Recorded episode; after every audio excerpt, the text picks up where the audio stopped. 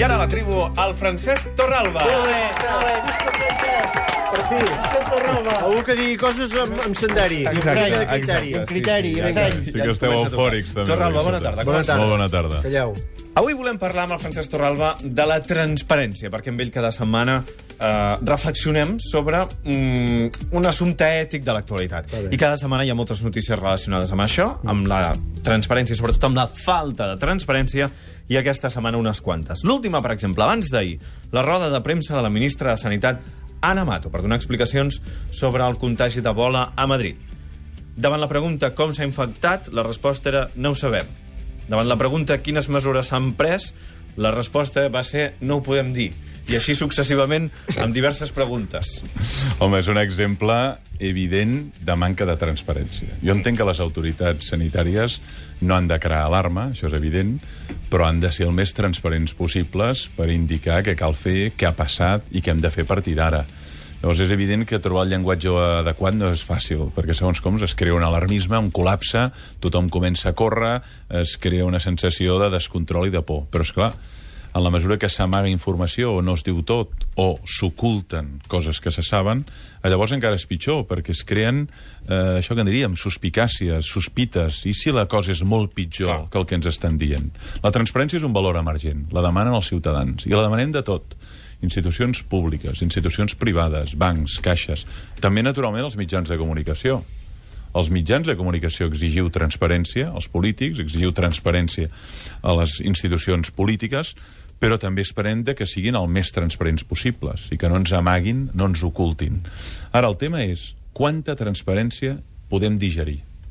Perquè a vegades, quan saps els secrets que fins ara s'amagaven, et cau l'ànima als peus. Però és millor saber-los, no? Molt millor, perquè si no vivim en un món fictici, no? Diem, home, ens pensàvem que això anava d'una altra manera, que els bancs anaven d'una altra manera, que les targetes de crèdit anaven d'una altra manera. Ens pensàvem que tot anava d'una altra manera. En la mesura que som més transparents, llavors veiem també molta més brutícia. Mm. I el tema si la podem digerir emocionalment i podem sortir al carrer, fer un somriure i dir de totes maneres ens en sortirem.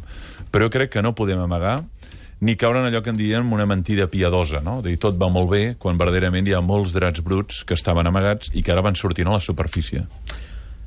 La setmana passada hi va haver una reunió dels partits pro consulta que es va allargar molt, va durar moltes hores. Per exemple, Va ser divendres, i finalment, en la roda de premsa posterior, es va dir que hi hauria consulta el 9 de novembre, però no es van donar massa detalls de com seria aquesta consulta. Avui alguns diaris comencen a donar detalls de com pot ser que sigui aquesta consulta. A la roda de premsa, David Fernández, a la CUP, va dir que com a periodista en excedència demanava disculpes per no poder donar explicacions del que estaven parlant, però que era un moment molt delicat. Hi ha dos elements importantíssims. Un, la cara de les persones que es van fer la foto. Era una cara molt diferent de quan es va precisar el 9-N. Una cara de que hi havia preocupació, hi havia neguit. I després, la durada de la reunió, que és indicador de que va haver una deliberació difícil, amb difícil consens. Llavors, és clar, eh, tot això són eh, indicadors de que realment eh, entre ells no va haver-hi el consens que potser s'esperava. Però verdaderament van donar molt poc a precisar, no? A vegades perquè tampoc hi ha hagut molt a dir o molt aclarit i per tant diem no creem incertesa però en qualsevol cas jo crec que si hi ha incertesa l'has de dir mm -hmm. si hi ha certesa també però fer veure que hi ha certesa quan no n'hi ha és enganyar. I fer veure que no n'hi ha quan n'hi ha també és enganyar. Si transparentar vol dir que hi hagi una coherència entre l'ésser i l'aparentar. Quan el que aparentes és molt diferent d'allò que és llavors hi ha opacitat llavors no hi ha transparència. Que en aquest cas es justificava la falta de transparència per protegir allò que era l'objectiu polític essencial. No, és, no som transparents perquè és que això va millor per l'objectiu que nosaltres busquem. Sí. Aquesta pot ser una excusa Això que es pot explicar legítim. moltes vegades. Sí, però això fins a cert punt és legítim. Per què? Perquè quan hi ha una estratègia política, econòmica, comercial, de mercat, és obvi que no vols ensenyar totes les cartes al teu competidor. O sigui, llavors parlem fins i tot d'espionatge industrial, no? Algú que s'ha assabentat de quelcom molt meravellós que vol treure la competència i ho treu abans, i li menja tot el mercat. Per tant, és lògic que hi hagi una certa cautela a dir-ho tot. En aquest cas, és una lluita política. Però d'això, amagar sistemàticament o ocultar per por és tractar la ciutadania de menor d'edat, eh? fer el paternalisme. Us unirem dient a contagotes perquè ho pugueu digerir. No, home, no, digue'ns tal com és la cosa, ja ho anirem digerint, però no ens ho amaguis, amb el tema, doncs, de, eh, aquest tema de la, de la bola, no? Mm. Uh, de tota manera, és veritat que la ciutadania moltes vegades eh, no lluita prou con, per, davant d'aquesta falta de transparència. Per exemple, estem molt acostumats ja a les rodes de premsa dels polítics que no són autènticament rodes de premsa, que són compareixences sense preguntes, o en el pitjor dels casos, compareixences a través d'una pantalla de plasma, on ni tan sols pots veure la persona que està parlant. Mal Això la societat ho tolera com a...